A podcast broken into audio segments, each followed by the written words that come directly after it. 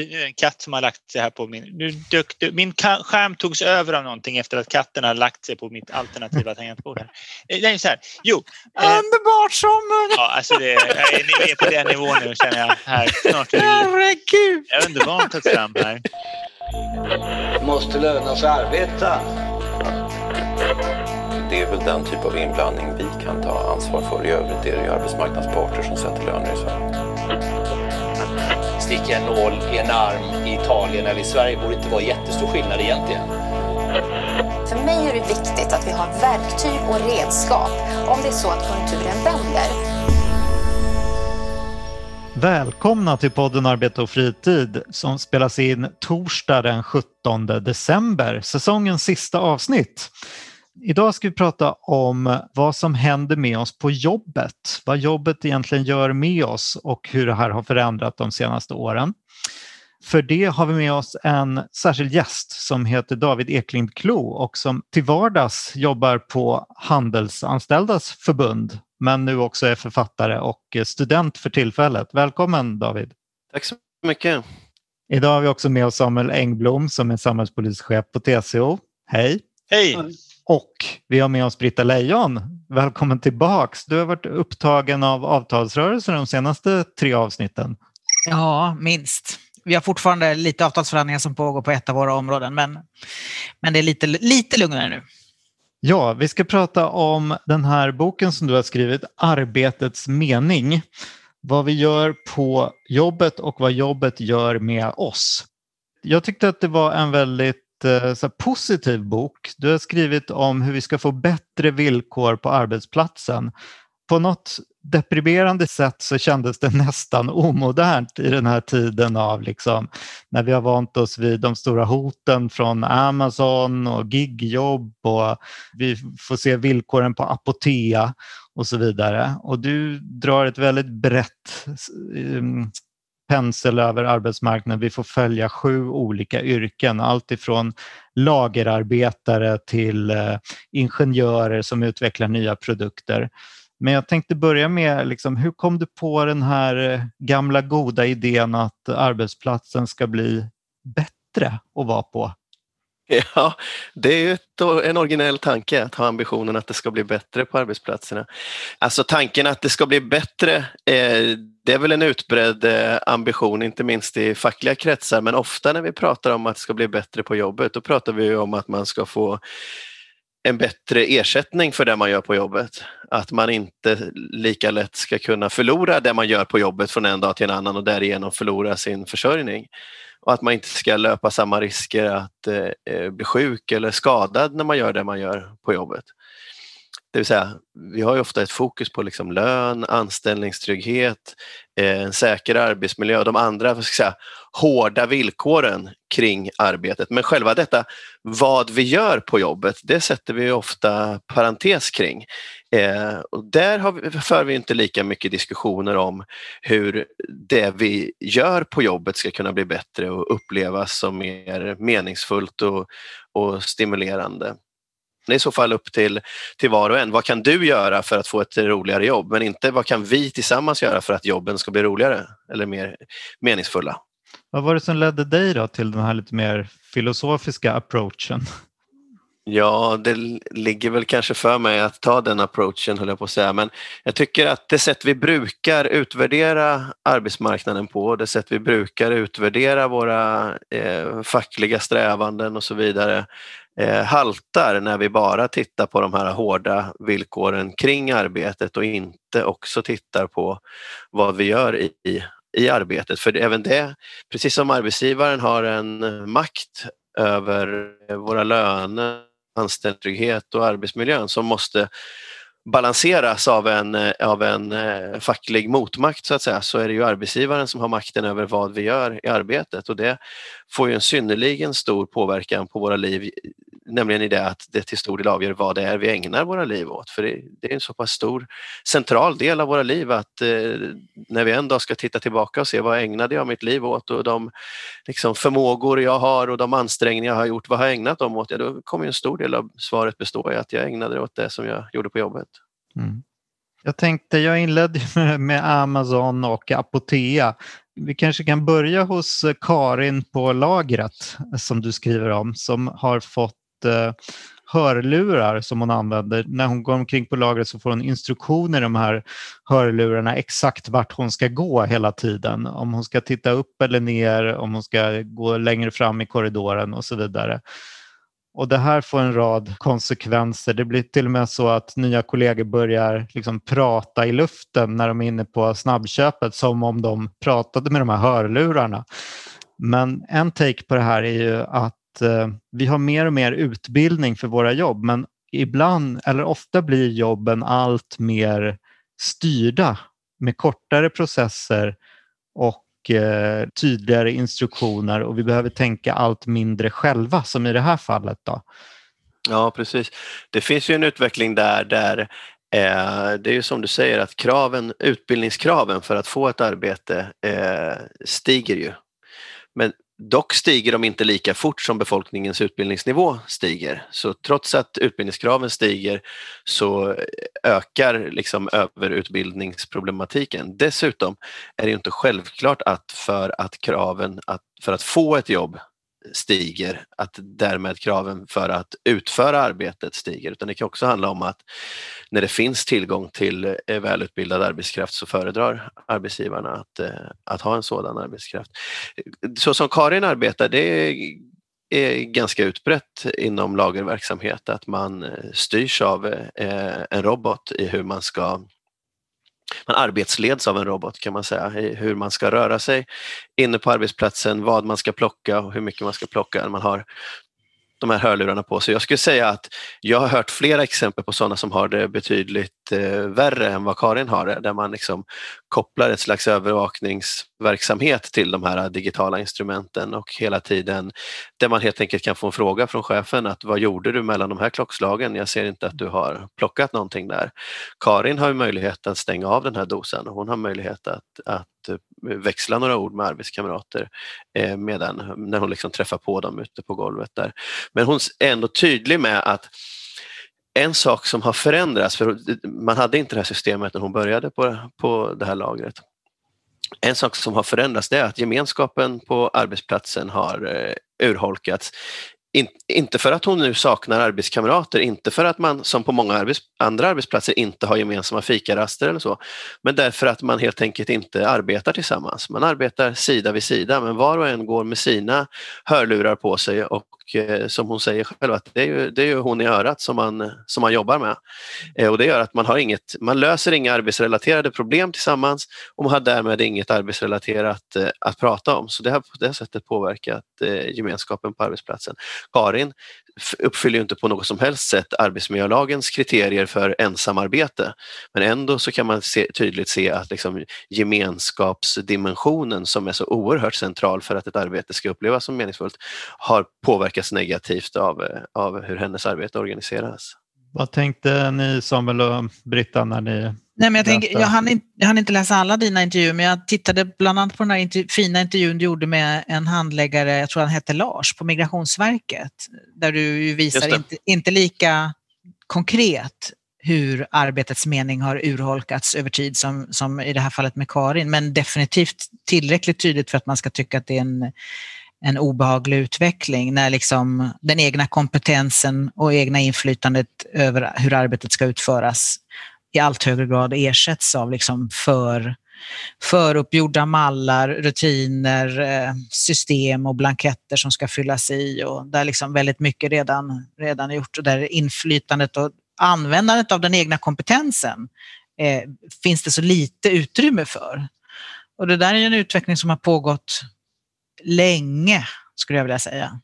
Alltså jag, alltså, och jag är rädd för att med AI så kommer det bara accentueras, det här utarmningen av det egna inflytandet men också den här äh, upplevelsen av en gemensam eh, arbetsvardag som du pratar om här nu när det gäller Karin. CSN till exempel, där var ju Migrationsverket och här var en lagerarbetare, men på CSN där vet jag att man väldigt tidigt kunde följa just knapptryckningarna från handläggarna kring hur snabbt man handlade liksom, ansökningar om studiemedel och sånt där. Så det, det har ju, möjligheterna har ju funnits men de ökar exponentiellt. Samuel? Den först vill jag säga just den här berättelsen om Karin då som jobbar på lagret och som är styrd av den här rösten i, i lurarna. Det är ju en ganska eh, intressant eh, liksom beskrivning av just det här hur tekniken då styr människan och där blir den ju så väldigt konkret. Det, är nästan, det, det, känns ju nästan som någon sån här äh, dystopisk framtidsvision där, där människan är underkastad maskinen. Eh, och då, är det så att, då har man säga, digitalisera det som är enkelt att digitalisera. Vad ska hämtas? Ja.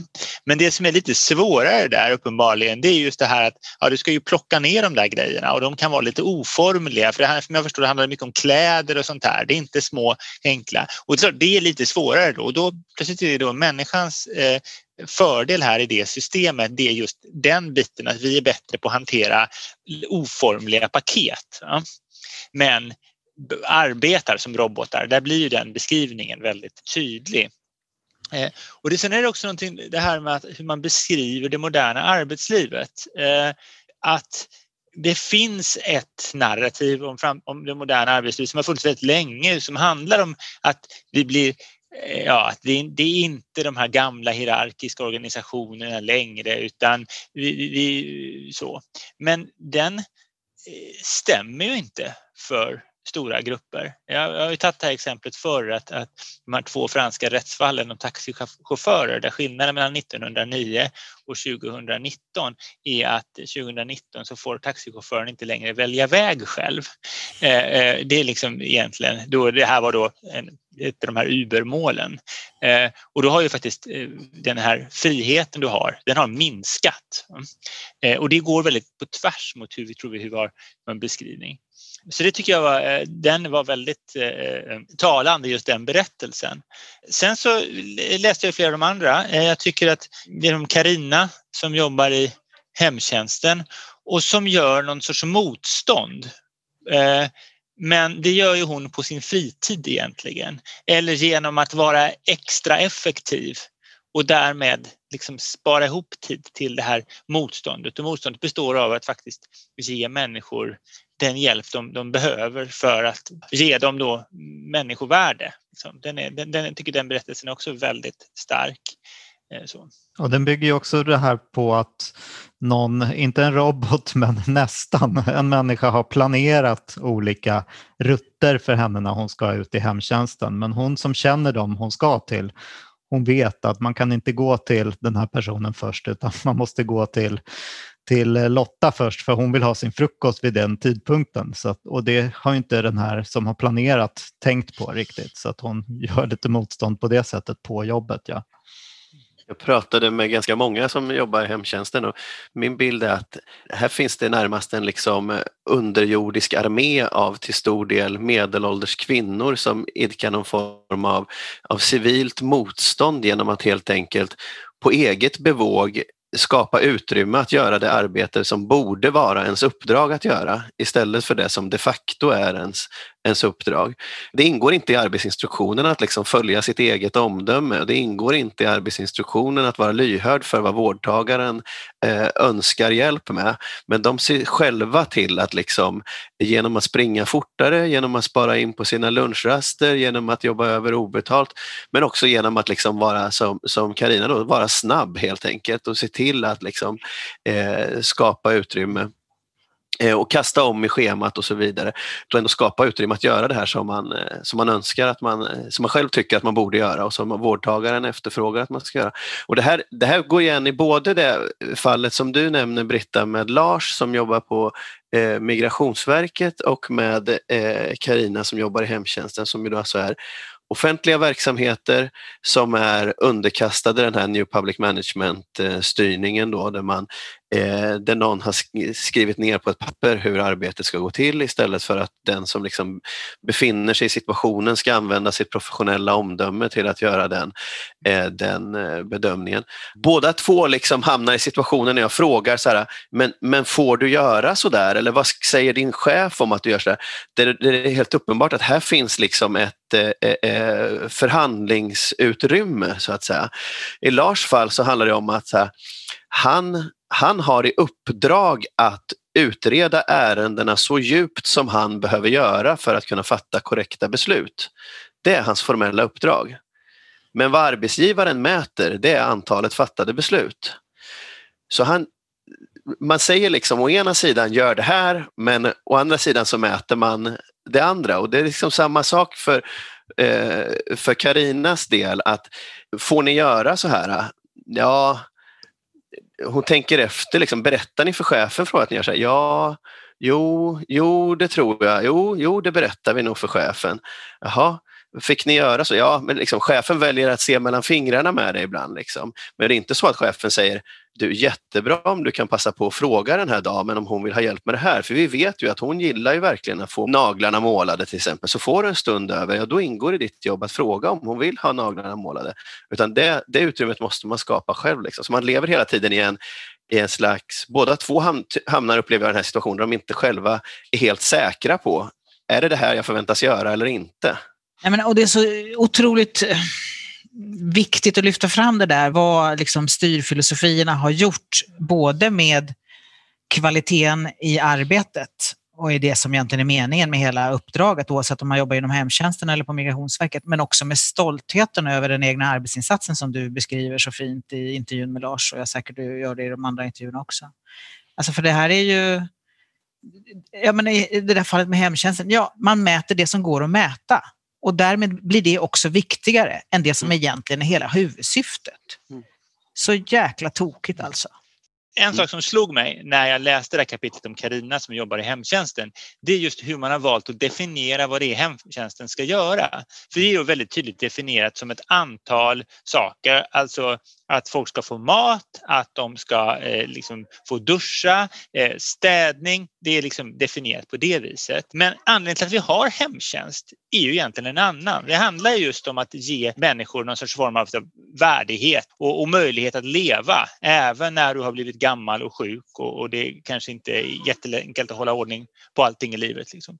Och då har man ju bestämt sig att nej, men vi, vi bryter ner det här i de här, alla de här små tjänsterna och så gör vi behovsbedömningar för dem och sätter minuter på dem och så. Eh, Medan ett alternativt sätt hade ju varit att försöka då upphandla eller då, alltså för den egna regin definiera som målet ett utfall. Att då de människorna som får den här tjänsten ska må bättre. Va? Eh, att de ska klara sin dagliga livsföring. Och, sen så, och då skulle man ju kunna skjuta ner det här både till de organisationer som utför de här tjänsterna på ett annat sätt och till medarbetarna. Och det där har vi diskuterat mycket just i, i termer av vad det skulle innebära för brukarna av de här tjänsterna. Men inte vad det skulle, så mycket kanske vad det skulle innebära för, för de som utför tjänsterna. För då skulle de också ha de här större möjligheterna att, att lägga upp sitt arbete, att utföra det arbetet på ett sätt som, som de känner att de blir nöjda med och som ger mening. Liksom. En del av problemet här handlar ju just om hur man har valt att, att definiera det behov som ska uppfyllas. Får jag opponera mig? Ja, gör det. Ja, det har du ju säkert rätt i Samuel, att det skulle gå att åstadkomma väldigt mycket förbättringar genom, genom det du nu beskriver. Men jag undrar om inte själva eh, det ändå är så att vi ändå fastnar kvar någonstans. För då ska man ju, även om man definierar målet som att, att brukarens livskvalitet ska öka eller man ska må bättre. Så länge vi har det här systemet som vi har så måste man ändå någonstans mäta det också. Då. Vad ska man mäta då för variabler? Då är vi fortfarande kvar i det här problemet att sånt som går att mäta är det man mäter. Och då blir det automatiskt viktigt. Alltså det är en, det är en inneboende problematik i den här liksom... Eh, du är ju inne David, David är inne på i sin bok. i sig ja. folk väldigt missnöjda och att de upplever att de gör saker som inte spelar någon roll för det de egentligen ska göra. Alltså de rapporterar väldigt mycket siffror och dokumenterar och för statistik mm. och sådär. Ja, och att precis, det tack. skapar ett missnöje och som i förlängningen är det ju inne på skapar en liksom uppgivenhet om styrsystemen och demokratin i sig och in, det egna inflytandet, inte bara i, i jobbet utan i samhället och politiken. Ja, så är det. Vi, inom ramen för det här arbetet så har vi också gjort en stor enkätundersökning med drygt 2000 svarande där man fått svara både på frågor om hur, hur ens arbete ser ut eh, Eh, till innehållet och, och, och frågor om hur man ser på samhället. Och det här det liksom lite grann förvånar mig att när man, vi är ju så, vi är så många som är angelägna att förstå vilka de är som inte känner sig delaktiga i samhällets utveckling, som inte tycker att vår demokrati fungerar, som inte känner sig lyssnade på och så vidare. Och man har försökt ringa in det på flera olika sätt men jag tycker inte man verkar tittat särskilt mycket på just detta att vad, man ägnar sina dagar åt, huruvida det finns några samband där och då ser vi ju tydligt i den här undersökningen att de som ägnar sina dagar åt att att göra samma sak om och om igen. Eller de som ägnar sina dagar åt att göra saker som de själva upplever som, för, eh, som är för lätt, som inte utmanar dem. De som har för lite att göra på dagarna, de, eller de som vi pratar om nu då, som måste utföra saker som de själva upplever att det här för inte verksamheten framåt utan det gör vi bara för att någon har bestämt det. Alla de här grupperna har ju en lägre känsla av delaktighet i, i samhällets utveckling och lägre till, tillit till människor i allmänhet och så vidare. Och det är ju egentligen inte överraskande för att jag menar, vi har ju en tendens att liksom att, att placera arbetslivet utanför samhällslivet. Det finns, liksom, det finns arbetslivet och det finns samhällslivet men tvärtom är det ju så att arbetslivet är en av de mest centrala sfärerna i samhällslivet. Så även om det skulle vara så att, att livet utanför eh, arbetet var det var liksom delaktigheten och demokratin helt tipptopp. Om det ändå är så att du 40 timmar i veckan ska ägna dig åt att, eh, att göra sånt som ingen riktigt bryr sig om eller göra sånt som där du, där, vad du själv egentligen har att bidra med inte är av intresse utan du ska bara utföra de här förutbestämda arbetsuppgifterna och så vidare. Ja, då är du ju de facto mindre delaktig i att utveckla vårt samhälle så det är inte märkligt att man, liksom, att man känner det så på det. Här måste ni känna igen Britta och Samuel att jobb, oh, från, ni måste ha gjort massa sådana här undersökningar, att jobb mm. hänger ihop med synen på mm. samhället. Oh ja, men eh, vi, jag tror jag pratat om det förut. Vi har ju återkommande, liksom de flesta andra fack, arbetsmiljöundersökningar och följt upp det här i decennier, eh, allt möjligt, alla möjliga aspekter av, av arbetslivet. Dock kanske alldeles för lite det här som du har undersökt i din bok. Men jag har själv skrivit, har själv intervjuat människor. Kom, när jag läste delar av din bok så minns jag att jag hade själv gjort intervjuundersökningar mitten på 2000-talet där jag intervjuade alla möjliga sorters människor om hur de såg på sitt arbete och hur det hade förändrats. Eh, sådär. Eh, får jag göra ett citat? Det är inte från någon av de intervjuerna men det är ändå från en annan skrift. Ett samhälle som vill ge sina medborgare jämlika villkor kan aldrig nöja sig med att någorlunda rättvist fördela produktionens resultat. Det måste också jämlikt fördela medverkan och villkor i själva produktionen. Ty det finns ingen terapi, ingen lyxkonsumtion, inga fritidsaktiviteter som kan ersätta de livsbestämmande villkor som skapas i arbetslivet. Amen. Mm. Vad var det ifrån då? Det var från eh, 90-talsprogrammet. Ja, det demokratiska mm. arbetslivet, eller vad, vad är det för vision? Vad säger du Samuel, märks det här bland övriga TCO-medlemmar? Ja, men David beskrev ju i början någonting som jag å ena sidan håller med om och å andra sidan inte håller med om. Det vill säga det här fokuset som ofta finns på löner och anställningsskydd. Eh, och det tror jag stämmer också. Mycket av rapporteringen om arbetslivet handlar om sådana saker. Och det finns också när det gäller rapportering, om vi går tillbaka om, om eh, arbetsmiljö så är det ju ofta liksom, alltså, den fysiska arbetsmiljön eller sånt som leder till, eh, till sjukdom. Alltså utbrändhet tycker jag också rapporteras ganska mycket om och är någonting som har ganska hög, stor, liksom hög profil. Eh, men däremot eh, så pratar man ju mindre om eh, det här med innehåll i arbetet och så. Nu tycker jag nog att det kanske på tjänstemannasidan så tycker jag nog ändå att det här är det finns mer av en sån diskussion. På senare år har vi pratat väldigt mycket om, om, organisatorisk och social arbetsmiljö. Det har kommit nya föreskrifter. Jag kan se, jag kan se hur många för, våra förbund i sin kommunikation pratar om gladare måndagar och, och liksom den här arbetsglädjen. Och det kommer väl dels ur en, en eh, analys som tror många har gjort att, att många trivs på jobbet. Det är ju vad som har sagt och det har ju varit en del i den här diskussionen kring facklig förnyelse också att vi måste ta hänsyn till det att många Eh, eh, trivs på jobbet. Facket kan inte vara klubben för de mest missnöjda på en arbetsplats för det kommer dels inte locka så många med, nya medlemmar och dels kommer de inte bli så många. Kvaliteten på arbetet och arbetsglädjen tycker jag ändå är någonting som man har, eh, har fått en hel del uppmärksamhet då.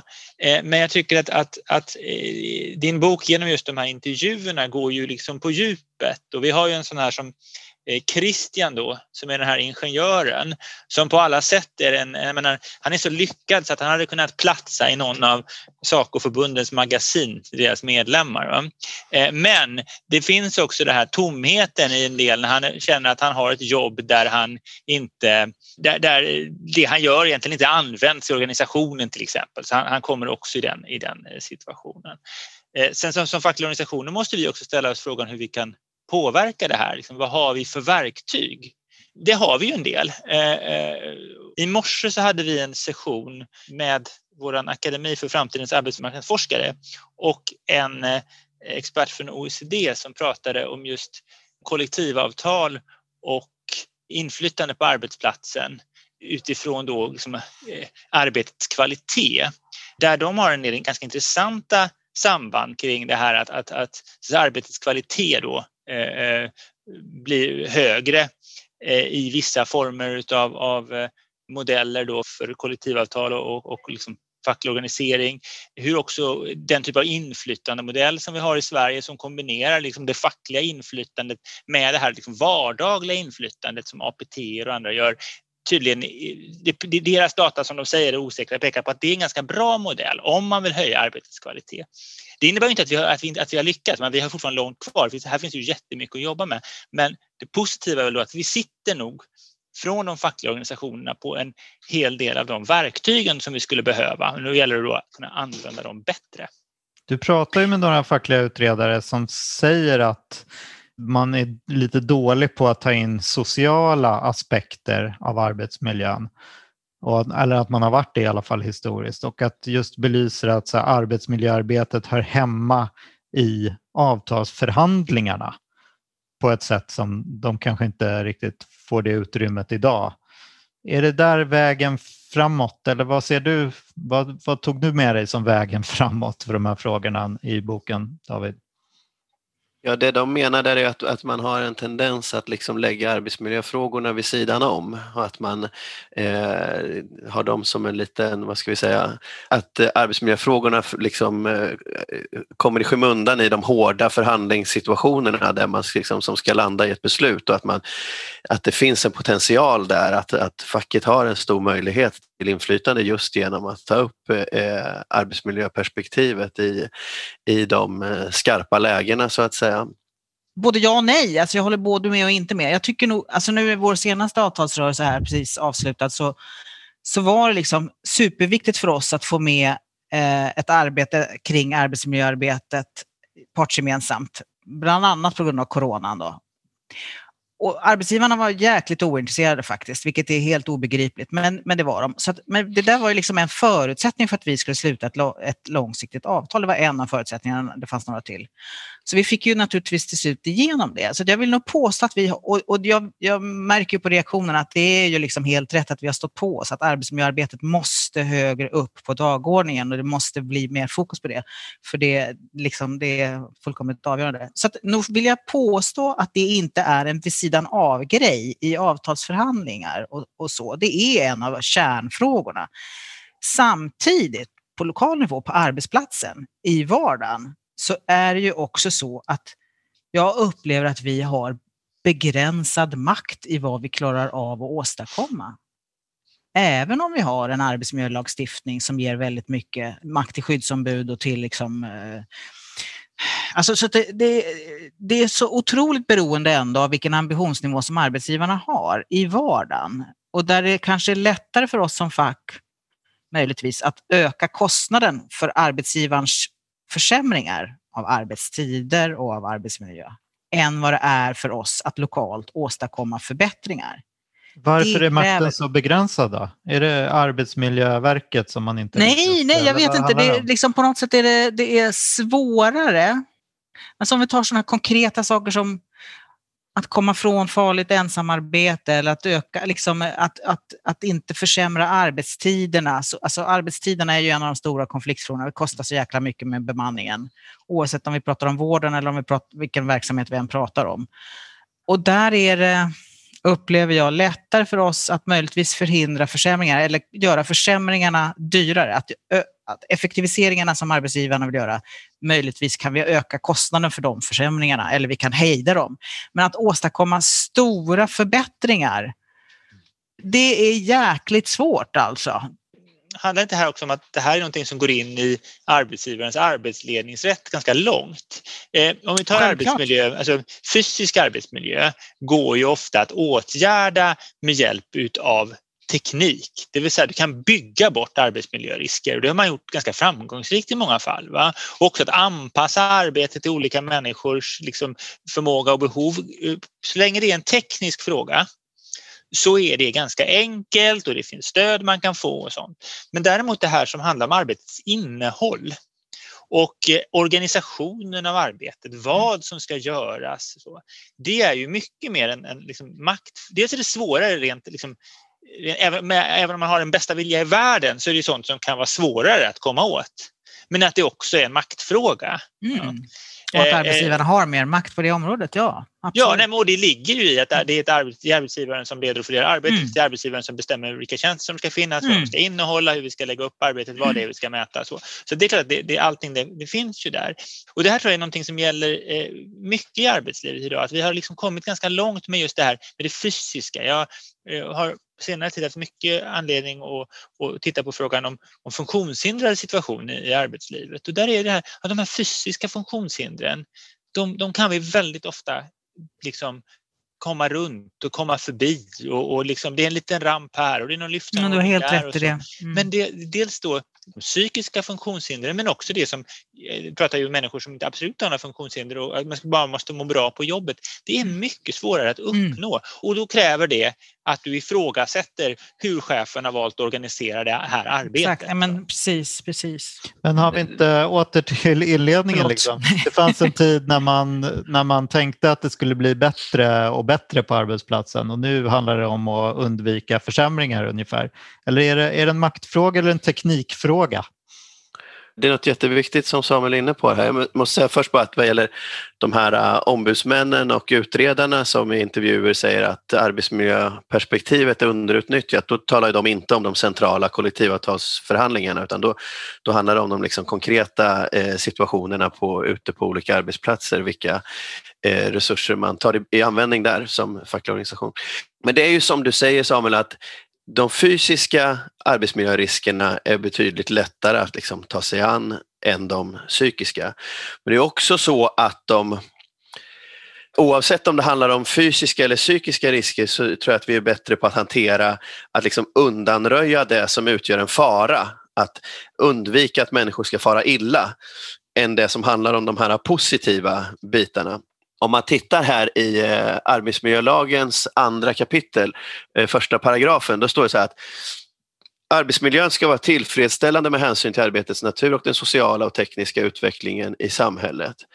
Arbetsförhållandena ska anpassas till människors olika förutsättningar i fysiskt och psykiskt avseende ska ge möjlighet att medverka i utformningen av sin egen arbetssituation. Man ska starkt styrt eller bundet arbete ska undvikas eller begränsas. Det ska eftersträvas att arbetet ger möjlighet till variation, social kontakt och samarbete, sammanhang mellan enskilda arbetsuppgifter. Man ska till och med få möjligheter till personlig och yrkesmässig utveckling ska eftersträvas det här är ju, det här är ju rena poesin liksom, för den som, som drömmer om ett mänskligt arbetsliv. Mm. Medan ju svagheten förstås är att det står att det ska eftersträvas och inte att det, att det ska vara så. Men om det är så att vi ska komma dit här, att människor, att liksom, det ska vara en verklighet i arbetslivet, att man får möjlighet till personlig och yrkesmässig utveckling, att man ser sammanhang mellan sina olika arbetsuppgifter, man har sociala utbytet och så vidare. Ja, då måste man ju in, då, då kommer man åtminstone liksom toucha vid gränsen för arbetsgivarens rätt att leda och fördela arbetet. Men, För det handlar om, om liksom, eh, vad är det vi ska ägna oss åt här egentligen? Va, mm. Vad ska vi producera och hur ska vi göra det? Och, och, Då blir det verkligen en känslig maktfråga som jag tror mm. att vi, vi, vi måste våga prata om den. Men det är det här som är en skillnad också, alltså om vi nu backar. Eh, jag brukar ju alltid i det här programmet prata om att jag är så gammal, men här är jag ju till och med för ung för att egentligen ha varit med om de här diskussionerna om, om en demokratisering av arbetet och arbetslivet. Därför att nu då när vi, vi fokuserar på det här och det är ju tydligt bland, tycker jag bland TCOs förbund, mycket som en arbetsmiljöfråga. Det här. Vi, liksom, den psykosociala arbetsmiljön är jätteviktig och, och, och vi lyfter det, det och vi använder de här skrivningarna som du pratade om och den här nya föreskriften.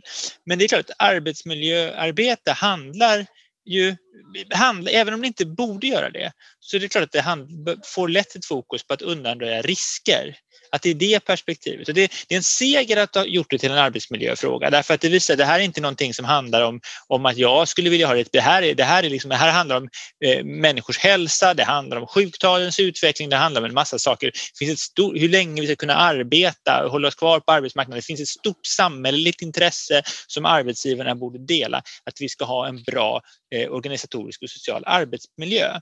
Men det är klart, det går ju inte lika långt som en, den här alternativa visionen, då, vilken i och för sig då finns i de här portalskrivelserna som du citerar, som handlar om liksom det, här, det goda arbetslivet.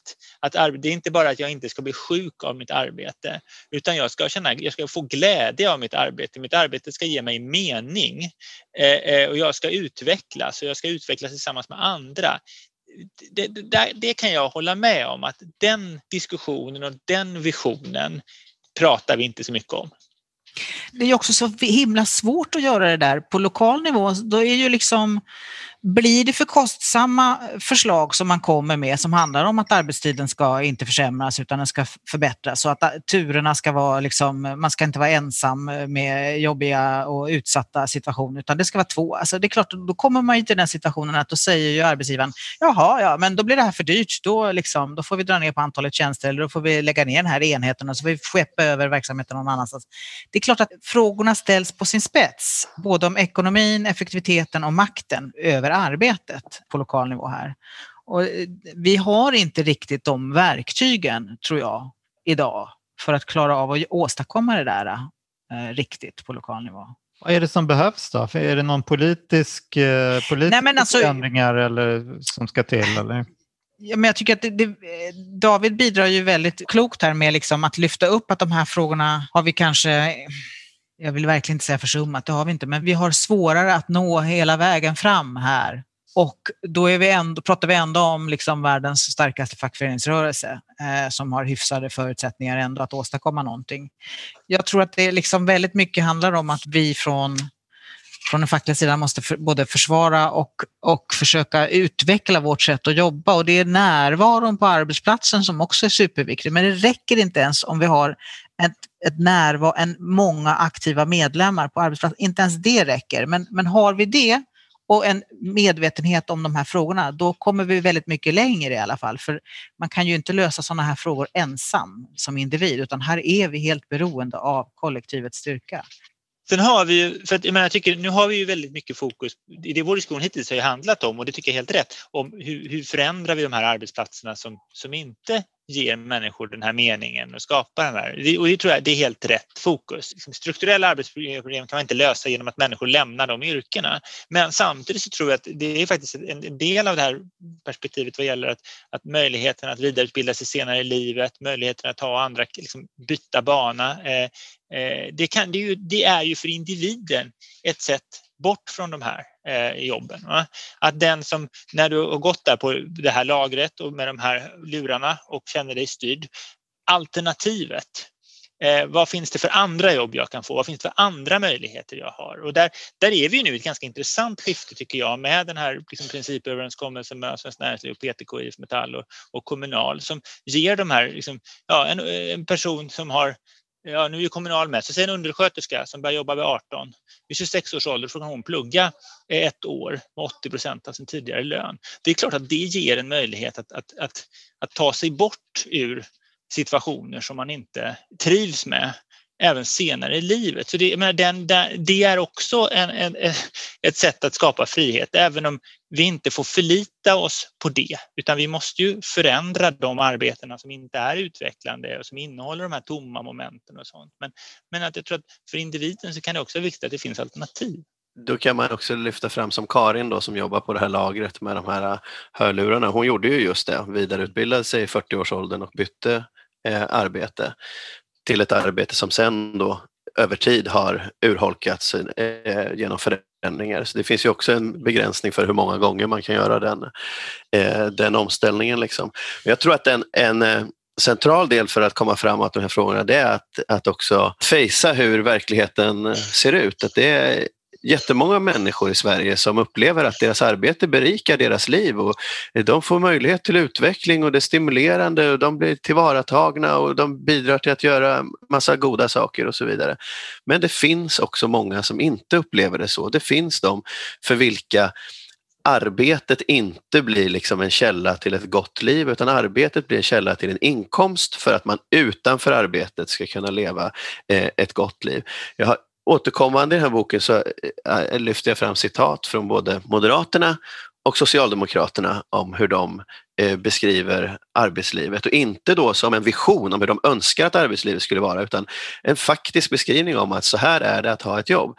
Och det är slående hur lika de är. Även om den här boken nu kom ut för, i förra veckan så har jag hunnit föreläsa om den tre gånger och då eh, läser jag upp några av citaten och har bett åhörarna att gissa var de kommer ifrån. Och vid samtliga tillfällen är det så att, att ett citat som kommer från eh, Moderaternas idéprogram har åhörarna gissat att det är Olof Palme som står bakom. Så det liksom avslöjar hur, liksom, eh, hur, hur, man alla pratar med samma, i samma språk om de här sakerna. Nämligen att bara du får ett jobb, ja men då blir det så att du får utvecklas, du får komma till din rätt, du får vara med och bidra, du blir del av en gemenskap och så vidare. Och det visar ju dessvärre den här undersökningen som vi har gjort och det visar SCBs eh, arbetsmiljöundersökningar och så vidare att nej, för alla är det inte på det viset. Eh, och föreställningen om att bara, bara vi ser till att människor går från arbetslöshet till att komma i arbete, då är, då är, är saken biff. Då, då får folk del av, inte bara en försörjning utan också alla de här positiva värdena som kommer med arbetet. Det är en utopisk föreställning. Mm. David... Vi måste vidta aktiva åtgärder för att arbets, arbetet ska bli vad det, vad det skulle kunna vara. Mm. Jag tycker du visar ju så otroligt tydligt här hur tudelad arbetsmarknaden är. Och sen har du, i, åtminstone det lilla jag har läst, en, en förhoppning om att i, efter pandemin och när vi liksom ska återstå, att, att vi, vi måste liksom försöka lyfta, lyfta den här eh, eh, delen av arbetsmarknaden och de jobben där det, verkligheten inte är så här att man liksom får kraft när man går till jobbet utan man blir tvärtom liksom utarmad och att det är en, liksom inte någon tillgång i livet. Utan så. Jag är bara orolig för att det kommer bli precis tvärtom att pandemin kommer att leda till så mycket mer av eh, extrem fattigdom och att ojämlikheten i samhället bara accelererar och också tudelningen på arbetsmarknaden som vi redan har, att den kommer att öka ännu mer. Så att de som redan idag har hyfsat bra på jobbet med inflytande och påverkan och utvecklingsmöjligheter kommer att få det i en högre grad. Medan den här andra gruppen, som faktiskt är väldigt stor också i Sverige, Eh, att vi liksom inte riktigt grejar det. Därför att vi har, kommer att ha en stor arbetslöshet. Och det är inte fackets bästa tid. Vår kraft försvagas när det är en stor arbetslöshet. Så jag tycker det är jätte, jättebra att du lyfter upp det här, men jag är lite bekymrad över utvecklingen. Jag tror att vi har, vi har, det kommer vara svårt att lyckas med det här, men precis som du säger, det är viktigt att visa på hur verkligheten ser ut. Och det är också viktigt att visa på, tror jag för oss, vad kostnaderna är för den här typen av jobb. Både för den enskilda individen men också kostnader i ett större perspektiv.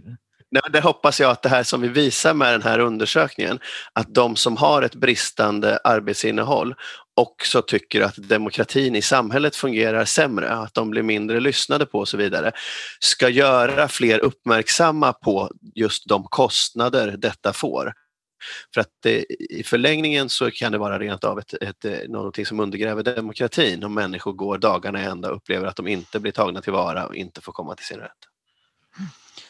Bra slutord. Jag hade ju tänkt där att fråga hur din bok hade blivit mottagen men nu fick vi veta det att folk trodde att det var Olof Palme som hade skrivit Moderaternas eh, partiprogram eh, anno 2001 eller vad det var. Ja, 2011. Ja. ja, 2011. Vi får se om det också kommer leda till det som du sa här på slutet att man inser kopplingarna mellan arbete och den större världen, demokratin.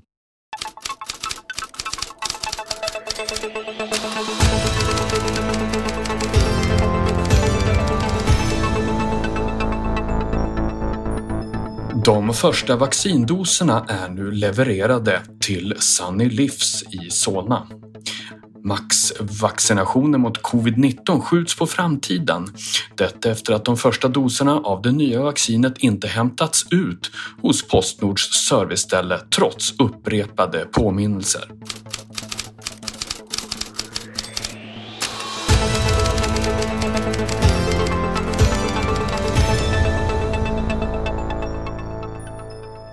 Vad kände ni? Kommer eh, Närlivs att klara den här utmaningen? Jag skrattade högt när den här stackars Jamal Ahmed som, som Lars säger saknar sjukvårdsutbildning men är registrerad som ATG-ombud, icke att förglömma, ändå oroar sig över, över att lokalerna i den här lilla närlivsbutiken är trots allt något för trånga för att administrera vaccinationen i de lokalerna. Så, eh, det är tur att i alla fall Jamal tar det här folkhälsoansvaret. Men men för att ta det ur ett lite mer seriöst perspektiv, så utan att ha någon uppfattning om vem som borde ansvara för vad så är det ju beklämmande att vi inte är överens om vem som ansvarar för vad utan att man kan sitta just och spela det här blame game istället för att eh, ta tag i saken och se till att rätta till de missförhållanden som alldeles uppenbarligen finns. Återigen, det har vi pratat om förut också Mikael, att liksom mm. pandemin visar på att vi har strukturella problem i Sverige med vår förvaltningsmodell och hur vi utför arbete och utkräver ansvar för det offentliga. Ja, precis. Corona kommer idag gick ju, ehm, lett till ytterligare debatt om det där. Ja, idag gick ju Handelsanställdas förbund ut med och sa att eh, man intensifierar sina kontroller av trängseln i butikerna och att man inte kommer tveka för att eh, lägga skyddsstopp om det är så att eh, personalen utsätts för risker. Det kan man ju jättebra. diskutera om det. Det är jättebra givetvis, mm. men man kan ju diskutera om ska det verkligen behövas att det är facket som går in och tar det ansvaret. Det är ju inte Exakt. bara de anställda som utsätts för risker utan det här Nej. är ju samhällsrisker. Då blir det ingen vaccinering då om de eh, stänger Jamals butik, skyddsombuden. Ja, just det, om Jamals butik klappar igen då är vi ja. helt körda. Hörni, bra. Tack Samuel och Britta för att ni var med i detta avsnitt, säsongens sista. Tack till David Ekling Klo som var med och pratade om sin bok Arbetets mening, Premissförlag. För övrigt en väldigt bra bok tyckte jag som jag kan uppmana fler att läsa. Både viktig och underhållande med de här intervjuerna och sprängfylld med fakta om arbetsmarknaden på ett lättläst sätt tyckte jag. Tack för att jag fick vara med. Det var jättekul, stimulerande samtal. Och tack alla lyssnare som har hängt med under den här terminen. Vi laddar om under vinterlovet här och eh, laddar för en ny säsong i vår helt enkelt. Och eh, passa på att tacka Anders Ljung som klipper podden men också kommer med så många bra inspel och eh, idéer och tankar. Vi säger helt enkelt välkomna tillbaks i vår igen. Och att vi hoppas att folk får en någorlunda hyfsat god jul trots pandemin, eller hur? Verkligen. God jul! God jul! God jul! Gott nytt år!